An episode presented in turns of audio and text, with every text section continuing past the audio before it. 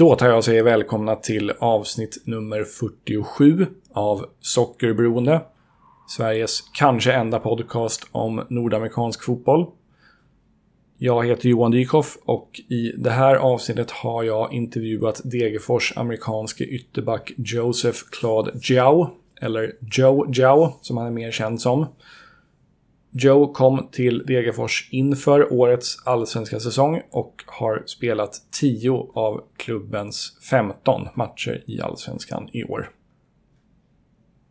Joe är uppvuxen i Silver Spring, Maryland och både hans pappa och farfar spelade professionell fotboll.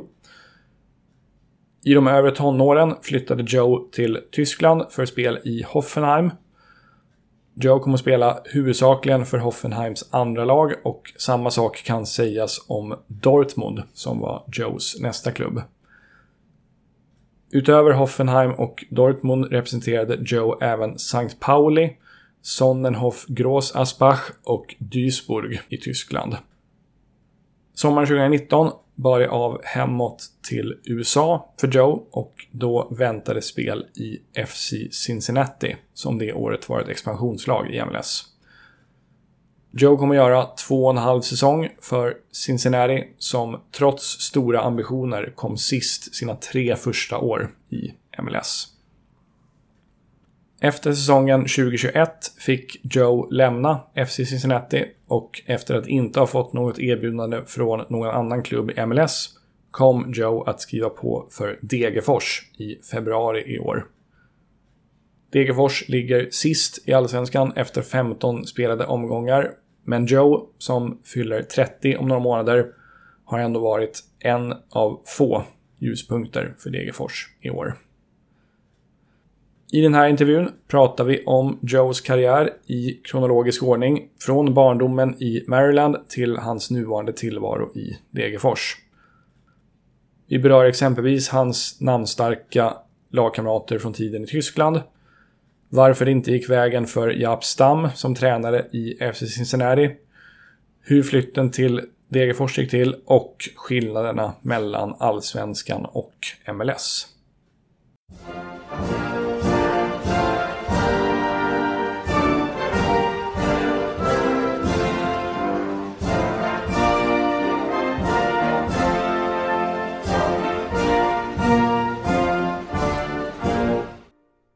So to start off, uh, can you like talk a bit about your childhood and what role sports and soccer in particular played in your life as a kid? Oh yeah. Um, so uh, I grew up in uh, Silver Spring, Maryland. It's like right on the border of Washington D.C. Uh, my dad's from Ghana. My mom's uh, born in America, actually born in Baltimore. Um, and yeah, I mean, I grew up playing football because my dad played pro, my grandpa played pro. So my, my grandfather played for the Ghanaian national team. My father played for the U.S. national team, and um, yeah, that's how I pretty much got started. Um, I want to say around like six is when I started when I like got onto my first team. Um, and yeah, growing up in the area, it was it was cool. It was a diverse area, so football was very big in uh, in the in the DC, Maryland, Virginia area. So uh, the level was pretty high. Played for this club called Bethesda pretty much uh, most of my youth. Um, then getting onto the U14 national team, things like that. Um, moving down to Florida because in America, back then in like 07, 2007, we had this residency program where all the national team kids would move down to Florida. We would go to school, study, and then uh, before school, we would train. So I did that for two years. Um, yeah, then I'm uh, when I was 16 is when I signed for Hoffenheim. So they put me because I couldn't come to Europe until my 18th birthday. So I was on loan with the Vancouver Whitecaps for about a year and for about a year. And then a little bit before my 18th birthday, uh, Hoffenheim had called me over, and then that's that's kind of what started my uh, my my German career. But you know, growing up in Maryland, it was cool, man. It was a great mm-hmm. time. Uh, yeah. Football it was amazing. Did you play any other sports as a kid?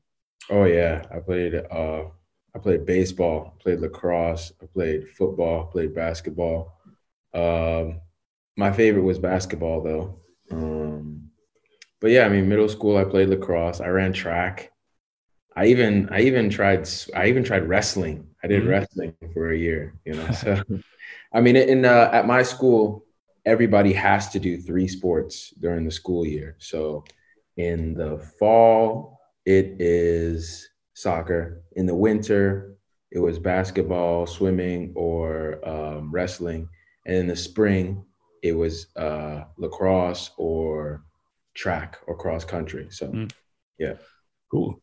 I remember uh, Charlie Davies. He he said in like in an interview several years ago that he uh, he he also did wrestling uh, in his youth, and that actually helped him as a soccer player because it, it's like with it with the strength and the way you sort of learn to uh, I don't know how to say it, like coordinate your body. And uh, would you say that that you've had have you have has it helped you uh, the fact that as a soccer player that you've done other sports in your in your past?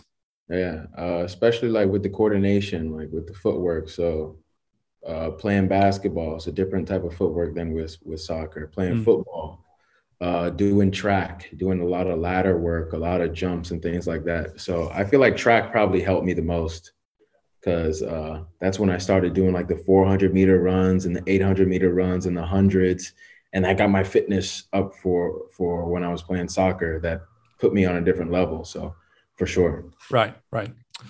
So at what age did you sort of realize that you were gifted enough to possibly play professional soccer in the future?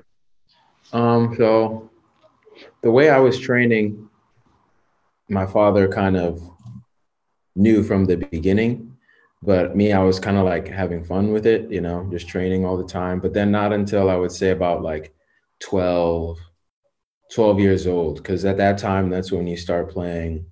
Well, they don't have ODP anymore, but it was, it's called Olympic Development Program. So that's where I was playing for the Maryland state teams, like all the best players in the state of Maryland. You start playing there. And then you go to a regional thing. So it's like all the teams up in the Northeastern region. Um, and then they pick a regional team. So then I was on the regional team. I was one of the best players in the region. And then out of like, I don't know, like a thousand kids, they only picked about 50 to be like in the regional pool. So then that's when I started saying, like, oh, okay, okay, you know, now I'm seeing the lists and people are considering me as one of the top players. So I'm like, this is where I started believing it. Yeah, of course. Uh, you touch, uh, you mentioned your move to um, Hoffenheim before. Um, was it ever an option for you to go to college and play collegiately like many other Americans do? Uh, yeah. Um, I actually did a college visit at Maryland University mm-hmm. my sophomore year in high school. Um, because I a lot of some of the guys that I played high school with and some of the guys that I knew from club soccer, they went to Maryland already. That's probably the school I would have went to, but the opportunity presented itself to go overseas, and that was a no brainer for me. Yeah, I can understand that. Uh, did you have offers from any other clubs other than Hoffenheim? Um, so yeah, funny enough, I had gone to Chelsea when I was 13. And back then the rules for Americans were very strict. Like you couldn't, if you didn't have a European in your family, it was very hard to get a visa. So I was, um, they actually had wanted me to stay. They wanted, uh, my dad they wanted to basically wanted my family to like relocate over there but at the time we couldn't do that. Mm. uh, i had a baby sister as well. She was in school and i couldn't we couldn't just uproot the whole family for me at the time. I was only 13 you know? Um, and also with the with the visa it probably wasn't going to work out. And then i went to bayern as well and i did a tryout at bayern. Um, they liked me as well but it was down to one of the head youth directors and he chose for some other players but the head coach has wanted me and my friend. Um, i've been to a few places. I went to Werder Bremen as well. Um, but hoffenheim they had scouted me when i was playing with the with the under 17 national team and they wanted to sign me directly. Yeah okay. How do you recall your uh, your first let's say a couple of months in germany was it a difficult transition to move abroad at such a young age? Um, Yeah, you know, being away from home wasn't that difficult because I had already been away with the national team for a Ah, couple right. years. Yep. You know, I was in Canada, but the language and the culture barrier was what made it difficult. You know, especially I was in South Germany at the time, so Baden-Württemberg. It was like um, a very traditional place. You know, uh, not that many people spoke English because Hoffenheim's not a big city at all. Like, Right. you know, you have Hoffenheim and there's Sinsheim and there's Zuzenhausen, and each one of those places are, are both villages.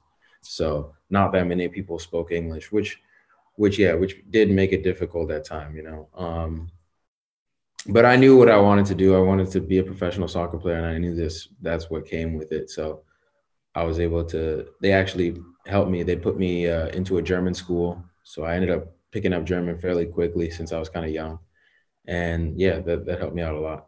Yeah, how is your how is your German nowadays? Oh, I'm fluent. You are? Yeah.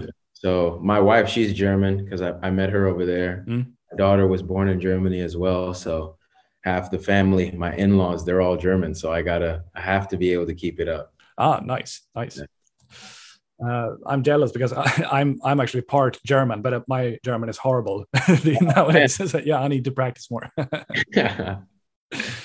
um, uh, and you, apart from um, uh, Hoffenheim, you also spent a couple of seasons with uh, Dortmund, right? yeah. Uh, which is obviously like one of the biggest clubs in Germany. Can you name some of your teammates uh, at Dortmund who has made it like really big later on? Oh man.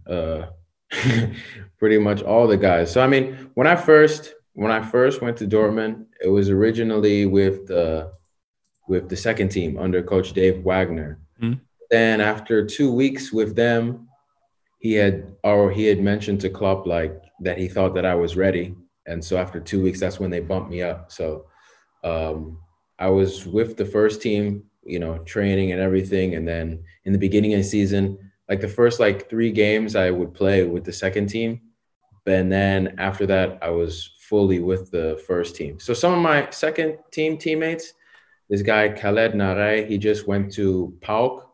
Um, you know, there's a couple other guys. This guy Mustafa Amini he played in Denmark for a while, but then when I got to the first team, it was with guys like uh, Henrikh Mkhitaryan, Aubameyang, Marco Reus, you know, Piszczek, Blaszczykowski, Mats Hummels, Neven Subotic, Kagawa, like the list goes on. It was a star-studded cast. Wow, that's cool. Do you still like keep in touch with these guys? Yeah. So Mkhitaryan was my next door neighbor. Mhm. So like whenever uh sometimes we would carpool, we would go to practice together. Um Aubameyang was a cool dude. That was somebody that I hung out with when I was there. Um but yeah, mainly I used to hang out with uh you know one of my friends he wasn't on the team, but I mean I still keep in contact with um funny enough, Ousmane Dembélé's uh, best friend, his cousin, so to say, Mustafa Diatta, he was on the, he was also at Dortmund during the time, and I became really good friends with him, and we still talk like all the time, almost every day. So Christian Pulisic as well. Um, yeah, Wow, that's a that's an impressive list of list of names, definitely. Wow. uh, so even though you didn't like quite establish yourself in the first teams of uh, Hoffenheim or Dortmund, do you still consider your tenures with those clubs as, as like um, positive experiences? Oh yeah, for sure. Because I mean, how many people can say they were even at those clubs? Almost nobody. Uh, when you look at the grand scheme of things, so um, I learned a lot playing over there. Um, and I mean, unfortunately, my time at Dortmund was kind of cut. Was not kind of cut. Was cut short because of a. I had a pretty serious knee injury. I had a a cartilage transplant at the age of 22. So, um, but yeah, man, I those two places, just being able to play with guys like Roberto Firmino and Ryan Babel and Edson Braafheid and stuff like that, it definitely uh, molded molded the, the the player I am today, and it gave me a lot of experiences. Did you only play uh, as a winger in Germany, or did you play outside back as well? I only played as a winger. I only started playing outside back last season at FC Cincinnati. Oh, I okay. played fullback before. Uh, so speaking of Cincinnati, you uh, and jumping ahead to the summer of 2019. Uh, you had spent one season with uh, Duisburg in Germany, and then you moved back to the United States to play for FC Cincinnati. How did this move back to the US come about?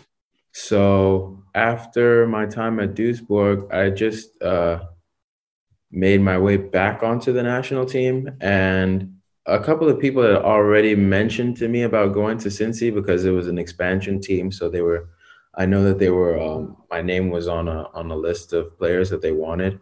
Um, yeah, and then when the summer window opened, it became more interesting, and I felt like I had been in Germany for like nine years already, and you know I wanted to kind of go back closer to home for a little bit because um, it was something that I you know, I had a lot of family members that had never seen me play. Um, yeah, just for uh, for a number of reasons, but I kind of wanted to be a little bit closer to my family for once after being away since I was 14. So, mm, right. Did you ever hesitate about going to Cincinnati, considering that they were, as you mentioned, an expansion team and they had it's things had been a bit chaotic for a while. They, they had fired their coach and they had a brand new general manager and so on. Yeah. Um, I did. Um, but at the same time, MLS has different rules, you know. So once a team puts you on that discovery list, you kind of don't really have a choice.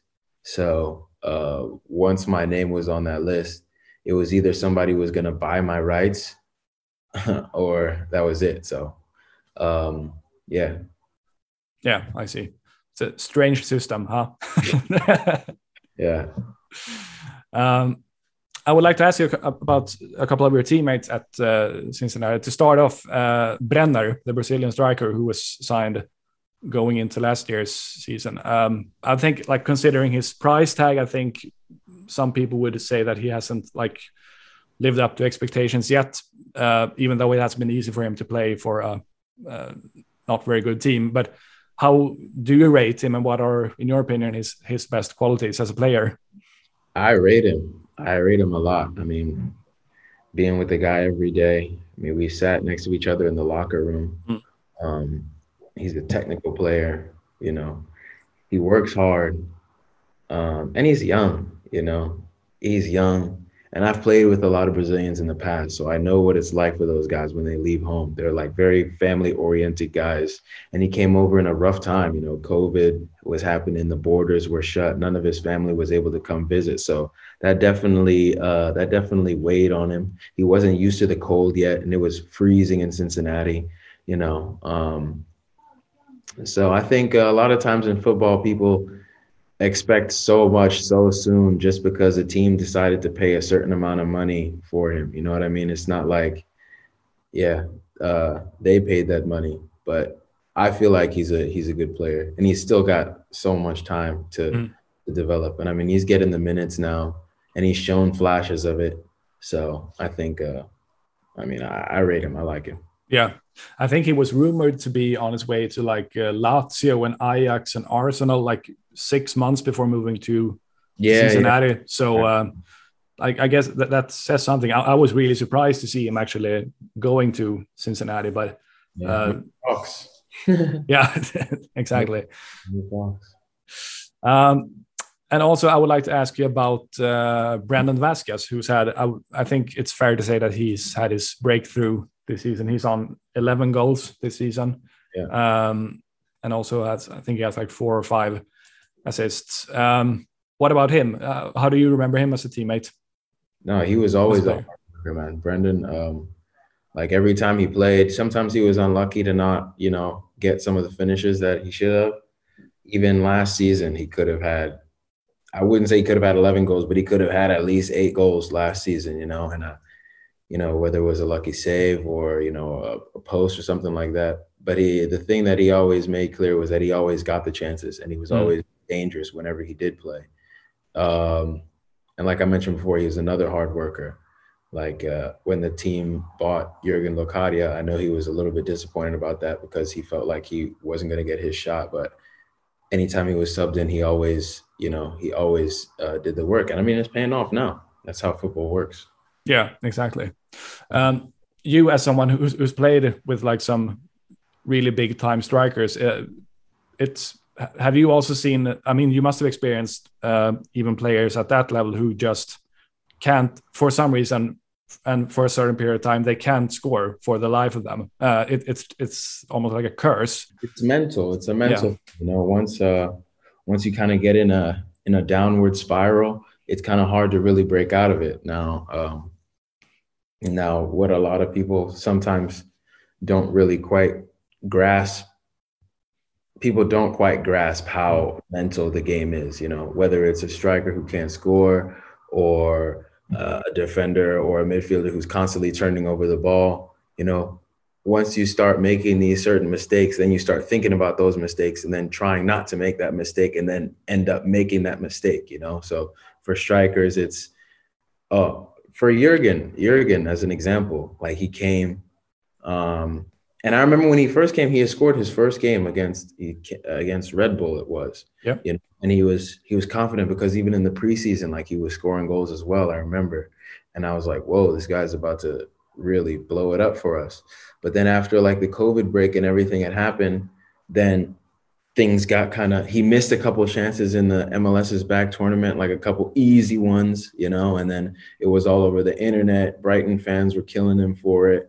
And you know that's where it kind of started now he was also always getting the same he was also always getting into the right positions and getting those chances which is half the battle but then once he got in front of the goal then that's when that you know that that mental block would happen and then you know and i would always say i would always be like man if you just get one you just need like a lucky tap in or something and then the, those just start coming you know but unfortunately he never he uh, you know got called back from his loan before that could happen. But I mean, even him, like he when he didn't score, he still was playing well. He was still working for the team. But I mean, that's football, man. Whether it hmm. be issues off the pitch, you know, which a lot of guys have because it's life. We're all grown men. We've got families and things happen, you know. So not every day is going to be a chipper day on the pitch. But um, yeah, it's mental, man. Yeah. Uh, to what extent do you follow FC Cincinnati and MLS in general today? Uh, I be checking them out. I see them on Instagram because I mean they're very active all the time, and I still mm. got over there. You know, so I talk to Haris Medunjanin every now and then, uh, Geoff Cameron and stuff like that. And I'm happy to see them doing well. I know uh, Chris Albright and them, they made a lot of changes. You know, they switched around a lot of stuff, which they had to, which they had to. I feel like getting a GM that knows the league and the MLS is something that's super important. You know, we had a GM in uh, Gerard Nijkamp that had no idea about American sports, and he just thought that you could just come in and just buy everybody, and it would just like make things go. But mm. that's not how it works in the MLS. Like you need a you need a core domestic base then you need to sprinkle the cash where it's needed. And a lot of times, if you miss on your big signings, then that will set you back a few years. And that's what happened. I mean, we had, uh, you know, the first, you know, for the opening season, you know, they made a few big signings that had already been established in the MLS, and it just didn't happen to work out, you know. Um, but I think now, now that they have a little bit more experience in the front office, I think that definitely helped out a lot. Yeah, definitely. And they like going into this season, they they didn't make any like huge signings. They, they made a couple of pretty like smart moves, and then then they made they, they signed this Nigerian center mid who's been really really good uh, mm-hmm. from the Turkish league. But I mean, the, the team is it's not that different compared to last year. J- just looking at the players, but they've yeah. uh, they've done a, a, really really good job this season, yeah. and I I think it's it's more likely that they'll make the playoffs than not. I would say that would be good if they made the playoffs because I mean the city deserves it pretty much. The attendance at the stadium is always amazing. The fans are always good. The stadium is state of the art. Mm. So why shouldn't they? You know. Right. Right. Um, why didn't things work out with uh, Jaap Stam as the head coach, in your opinion? And I, am not asking you to like bash yeah, Jaap necessarily, but I'm curious to know what do you think about uh, what you think went wrong. Um, I think that we were kind of playing a style that didn't suit the players that we had, maybe. Um, he wanted to do like, you know, a really Dutch style of play, which by all means is a top formation, you know, when we're over here, when you're in Europe, you know what I mean? The dynamic of the game is totally different. MLS is not like any of these other leagues where it's like super tactical or anything like that, mm-hmm. because after like the 55th minute, players are everywhere. It, the center back is at the 18, and then the striker is all the way up here at the other 18. You know, there's like 70 yards in between the two.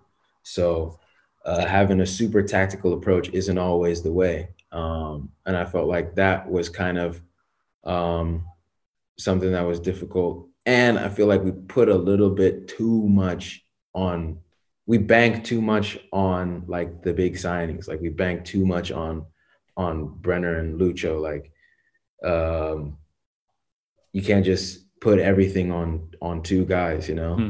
And sometimes the rotation wasn't always there, you know? So like letting a guy like Brandon start more games, you know, letting uh, more guys switch in there.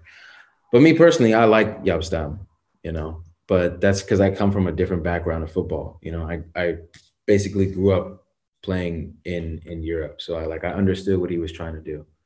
Um, yeah, man, it just didn't it just didn't work out. I mean, if you look at the MLS and you look at all the most successful coaches, most of them are American.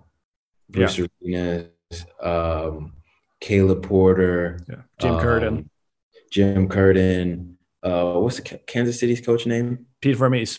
Pete Vermes. You know what I mean? Like they play this type of direct, hardworking football that is not super, super tactical, but it gets the job done. You know what yeah. I mean? So yeah.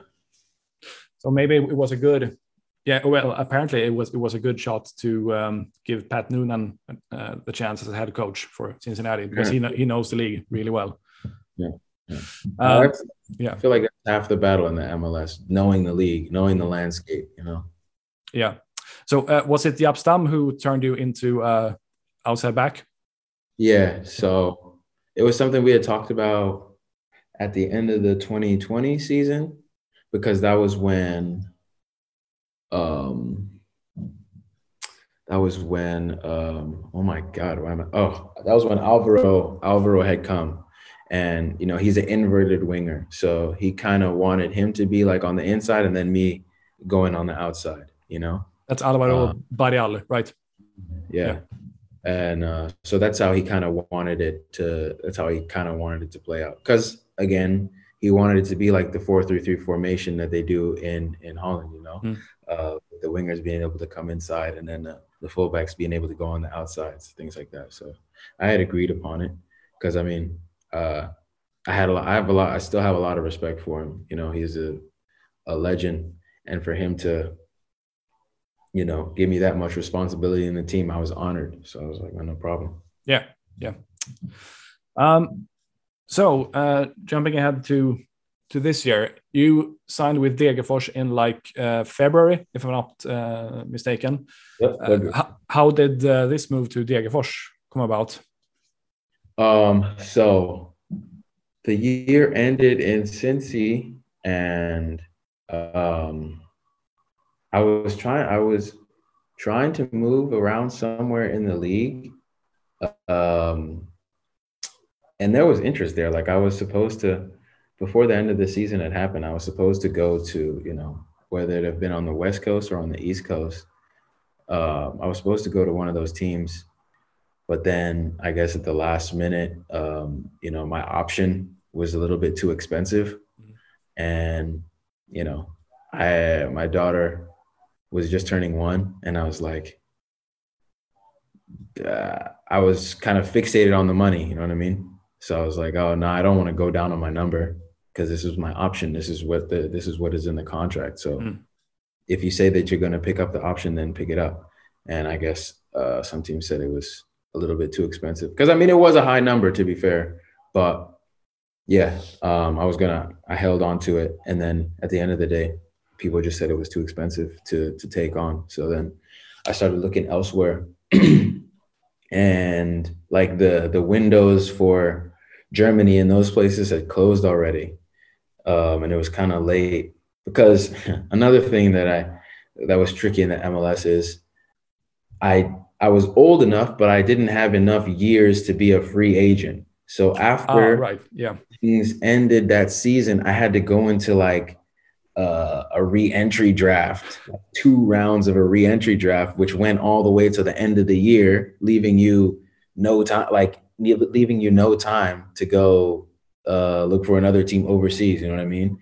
The re-entry draft is like around Christmas, so you're sitting around waiting when the season ended in November. So yeah, um, yeah. But then uh, I I had a couple contacts over here um, and we were looking around in Degerfors. They came and snapped it up really quick.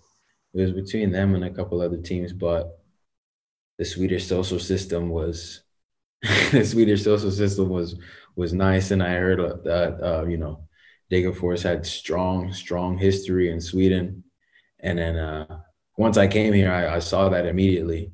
Because um, everywhere I go, and sometimes people ask me who I play for, and I say Degerfors, they're like, "Oh wow, you know, somebody always somebody is always rooting for Degerfors. You know, they say like, "Oh my gosh, that's such a um, how do you how do you say it in German? It's like sympathisch. It's like just like a likable team. You know. Yeah. So yeah. How much did, did you know about Allsvenskan and Swedish soccer before coming over here? I knew a bit because uh, I had maybe at least like four four or five friends from America that had played in Sweden before. So my friend Brian, yeah, my friend Brian Span, he played in Djurgården. Uh, Galeg Boussoumande, he also played in Djurgården. He was on loan there. Um, I know Romain Gall, he plays at Malmö. Um, and oh, one of my ex teammates at Duisburg, Joe Boffel, was also is also here. Ah, right. Mm-hmm. Yeah, they uh, and Alejandro Bedoya as well. So I mean, I was kind of familiar with it. Um, I hadn't really watched that much of it, but my friends had always spoke highly of the league, so that's why I was so open to it. Mm. What are uh, some of the like big differences between Allsvenskan and MLS that you notice after being here for about six months? Um, so I would say, like Allsvenskan is not that not that different than uh, when I was playing in Germany. To be fair, like when I was playing at St. Pauli and Duisburg, like it's from a tactical standpoint and the speed of play is very similar. Uh, you got a lot of technical players. Now you have some teams that do play very physical, like Mjällby, you know, um, like some of those teams. But when you get to the upper levels, even a team like Kalmar, they play really good football. Um, Häcken, they play, you know, very direct football. Elfsborg plays very direct football obviously the top teams as well, you know, AIK, uh, Oiko, Djurgården. Um, MLS now, it's it's like it's it's very different. Um, it's so hard to explain. Well, because in MLS there's way more South Americans and Central Americans, you know, so that brings a whole different dynamic to it. You know, you don't really have any Central or South Americans in in in in Allsvenskan. Not that many that I know of. I know that there's a one Chilean guy, a Peruvian guy that plays for Malmo. Yeah, uh, and there, there are a bunch of Brazilians as well. Uh, but but I don't think there's any Central American players in okay. in Allsvenskan. Um, so yeah, that that uh that makes the league much more different. Um, um, and yeah, the speed of play. You know, sometimes in the MLS, it can be really slow, and then it can just go back and forth like this, you know. Um, but here it's uh, the organization, you know, uh, the structure. Teams like to make the pitch small. Um, so yeah, those are some of the differences that I noticed. Yeah, I would guess also that one difference could be that in MLS you have every team has like a two to three, maybe four really, really, really good players, like almost world class players, and then yeah. the rest are uh, not bad, but at least, at least not as good, or not not even close, not not even close uh, to be that good. And in Allsvenskan, maybe there's a more like consistent level uh, in uh, in the rosters. Would you agree with that? Yeah, yeah. So um, there's more of a balance. Everybody. Mm I would say everybody's on the same level, but everybody has everybody has a high level of quality, you know. So in the MLS, it's a little bit different. You know, You've got guys. You'll you have you'll have guys that are fresh out of college and then guys that are coming from like the Premier League. Yeah. You know, it's a it's a it's a huge difference. It's a huge difference. Yeah. For instance, when uh, when uh, Zlatan Ibrahimovic when he played at LA Galaxy, he was teammates with um, uh, Husidic, and he had recently been with Hammarby in Superettan. So that that says something, I guess. exactly. um, uh, let, us say um, LAFC or one of the like top teams in MLS. How do you think they would do in Allsvenskan? Um, tough to say, yeah, because mm-hmm. I know their attackers would be really good, but I feel like some of these teams would leak goals because in MLS they don't really focus on defense. Um, I know this preseason they had a they had a, a preseason tournament. A Norwegian team came to America to play in like a tournament mm-hmm. and beat all these teams like 4-0, 3-0. Uh, they beat like Minnesota, they beat um, Real Salt Lake. Like they just ran through the teams, mm-hmm. you know. Uh, so it's a it's a different kind of game, you know. In MLS, you throw numbers forward.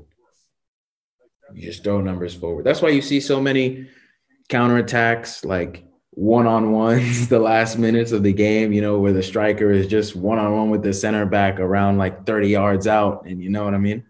So it's, um, it's different, but the attackers would be a lot for Allsvenskan defenders to handle. That's for sure. Like guys like Carlos Vela, um, Gareth Bale, you know, just recently, uh, who just went to LA Galaxy, Douglas Costa. You know, you have a lot of big names with a lot of top, top quality. So they definitely be a top side for sure. You know, it, uh, it I'd be lying if I said they wouldn't. They'd be a top side for sure. Mm. But but maybe they wouldn't easily win. I don't think it'd be easy. I don't no. think it'd be easy. Right. Um, so speaking a bit about uh, this is this season for uh, Degerfors, I think it's fair to say that it's been a rough season so far for Diego Degerfors in Allsvenskan. How confident do you feel going forward? Um, it's like so now playing here and playing a lot of these games. Besides that game that we played against Elfsborg, I can never really say that like we were outmatched or anything like that, you know. Um, now there's a oh yeah against Malmo at home they the we were outmatched there, mm. but there's been numerous games where we were just unfortunate. Like Hammarby at home when they score this you know this set piece on us that kind of just like bounces in the goal, and that's the only goal of the game. Um, Häcken when you know, what is it? It's tied up, and then they get this last minute winner. And right before that, we could have had a penalty. You know, this mm-hmm. last one against Mjällby, a lot of things didn't go our way. But a lot of times when you're at the bottom of the table, that's how it goes, you know? so you can always say, oh, it wasn't our way, but that's what happens, you know, when you're at the bottom. So um, I think that once we do get some of our players back that are for, away from injury, that will have a much better chance of staying in the league. You know, mm. um, once I serve, once my suspension is up, I, I should be back. Um, Christos Gravius should be back as well soon. Um, Anton, hopefully he's back soon as well. Justin Salmon, he got knocked out that game against Norrköping, so but yeah, you know, we'll see. It'll be a tall order. It won't be easy, but I know these guys can dig in. So right. How do you feel uh, that you personally have performed this season? I, I know some fans and analysts who regard you as one of the few like bright spots for Degerfors this season. Yeah, you know, I felt like I have come and adjusted well in the team, um, especially since it was on such short notice. Uh, the guys have opened me up, you know, with with open arms. They welcome me with open arms, and yeah, I just feel like I'm just uh, trying to remain consistent, you know, trying to uh, always do my part, um, you know, bring in intensity, um, trying to bring a little bit of experience to the side, you know, because uh, oftentimes I do forget, like, you know, I'm going to be turning 30 this year. It's kind of funny to say, but you know, um, yeah, that's uh, yeah, I would say I would say you know I'm I'm doing I'm doing what I can. You know, I'm doing my best. Right. I, I was actually at, at the game uh, against uh, away uh, against Sirius last week. I was in Uppsala, so I I uh, bought a ticket to that game, and uh, I I thought you had a really good game against Sirius, and the guy who sat next to me in the stands, he said at least one time, "Holy crap, he is fast," and he was pointing to you. So, and I I yeah, he, he was absolutely correct. You had a couple of really good runs in that in that game. Yeah, we that the one of the first ones I thought I thought Diego had scored that header, man. Uh, that's the, see that's what those are some of the actions that I'm talking about. You know, um, if that one goes in, it's a totally different game. Uh, and then obviously a few minutes later they come in and that guy curls that in mm. from the top of the box, and then we're down. So, yeah, as you mentioned, you turn you turn uh, 30 in a couple of months. Uh, so, uh, like, how do you? Uh, what are your thoughts for the next couple of years of your career? Um, you know, to just keep enjoying the football, um, keep taking care of my body, um, and continuing to to make steps forward. You know, and now it's funny because it's like, okay, now you're real like I always enjoyed playing, but now it's like I really got to enjoy playing because time doesn't stop. You're gonna keep getting older, you know. And I just I love playing so much. I love the travel. I love you know uh, playing at home. I love playing in front of the away fans. So just trying to cherish every single game, every single practice, because you know football doesn't last forever. Mm. So you know that's what uh, I'm trying to you know take into it. Mm. Do you wish to stay involved in soccer after you retire as a player? Yeah, to some extent, you know, because it's like, let's say, how how can I compare it? Um, I wouldn't compare it exactly to being a doctor, but it's like somebody who has studied so hard to get like a PhD, and then all of a sudden they're like, no, I'm gonna switch job. You know, I put so much into the game already. You know, it would feel weird, like you know, starting completely over from zero. Mm. You know? I can do um, something different in the work of football, you know, because it won't be playing anymore. I can take a different avenue, but I'm I'm, I'm definitely going to stay in the game. Yeah, I see. Yeah, I mean there are a whole bunch of different things you could do. You could work in like as an agent or as a coach or in I don't know marketing or broadcasting or you name it. Yeah, lots of different things.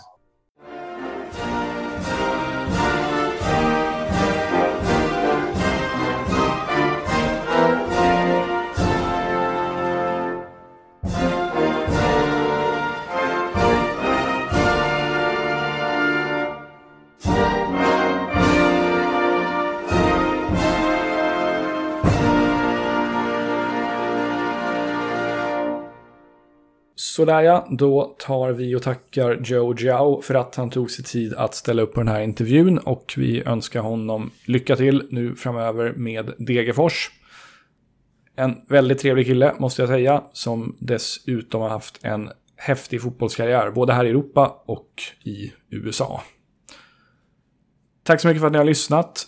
Fortsätt gärna att följa Sockerberoende. Jag tror och hoppas att det inte ska dröja lika länge till nästa avsnitt. Ta hand om er och njut av sommaren och allt sånt. Tja tja!